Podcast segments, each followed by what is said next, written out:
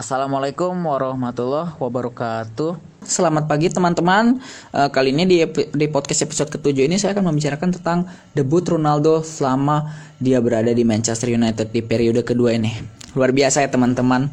Cristiano Ronaldo telah kembali setelah 12 tahun lamanya keluar dari Manchester United. Ya, waktu itu Ronaldo merupakan bagian dari proyek Los Galacticos Jilid 2 dari Florentino Perez. Ya, pindah ke Real Madrid saya juga kurang tahu harga klausul apa namanya berapa Real Madrid tebus ke MU untuk membayar transfernya Cristiano Ronaldo saya kurang tahu.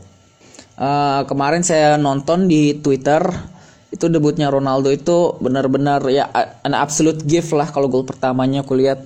Ya tendangannya kan awalnya cut inside tuh tendangannya Mason Greenwood. Itu sebenarnya ada deflection dari pemain belakang Newcastle tapi ya mau gimana ya? Si Ronaldo-nya berada di posisi yang sangat tepat untuk rebound. Ya itu kan bukan ya wajar sih kalau kipernya bikin blunder kayak gitu. Karena sebenarnya kipernya juga kaget si itu si Woodman. Kaget dia. Asli. Saya lihat ini skornya 4-1 ya. Iya semalam aku lihat skornya 4-1 Ronaldo bikin dua gol. Nah gol balasan dari Newcastle dari Javier Mankilo itu itu salah Varan sebenarnya bukan salah De Gea. De Gea kan udah nge nutupin satu celah dia.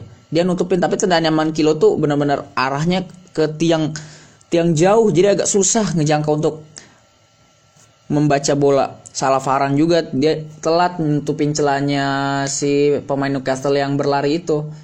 Ya si si Saint Maximin emang Saint Maximin punya kecepatan mainnya.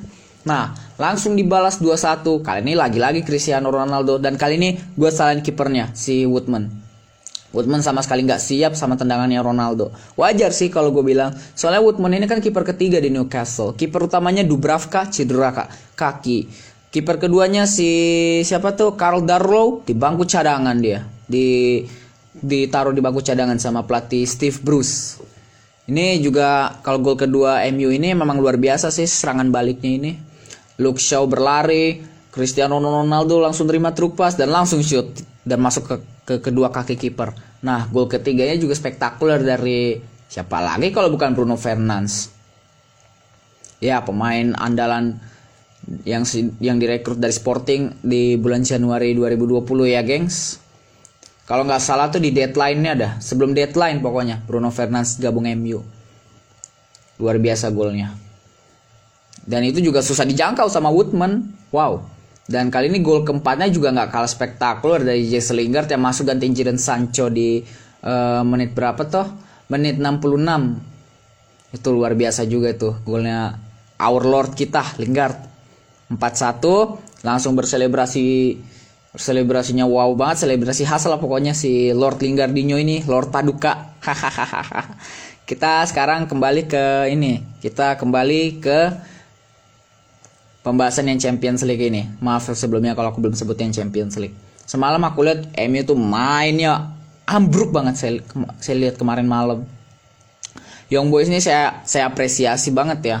Sebenarnya Young Boys ini dilatih sama mantan pelatih Schalke justru. Si, ya siapa lagi kalau bukan David Wagner.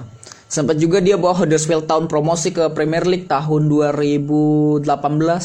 Itu pelatih yang yang sekarang latih Young Boys ini si David Wagner dia pernah bawa Huddersfield promosi dan dia bertahan di posisi 14 itu pencapaian yang luar biasa bagi gue. Ya, mau gimana ya?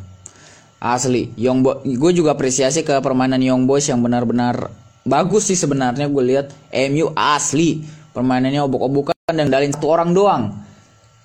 MU bikin dua shot dan dua-duanya dari Ronaldo. Yang gol pertamanya itu ya wajar sih dari jarak dekat kipernya juga sudah melewati kedua kaki kiper ya wajar kipernya udah nutupin celah tapi berhasil masuk ke kolongnya. Ya nggak bisa nyalain kiper juga gol pertamanya uh, eh, MU ini. Nah dari Young Boys ini. Ya di sinilah pertahanan MU udah mulai lengah ini. Asli. Nggak bisa lu nggak bisa nyalain De Gea. Nggak bisa. Nggak bisa. Asli. Golnya si Ngamaleu apa gitu namanya. Wow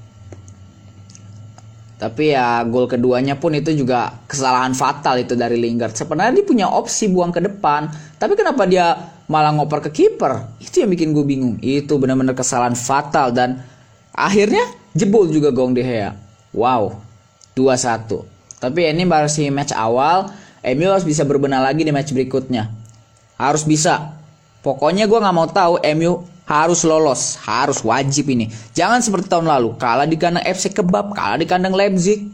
Dan akhirnya main di Liga Malam Jumat. Yaudah, untuk podcast episode 7-nya sampai di sini aja. Terima kasih telah menonton dan wassalamualaikum. Eh, menonton lagi. Sorry, sorry. Terima kasih telah mendengarkan podcast di episode 7 ini dan wassalamualaikum warahmatullahi wabarakatuh.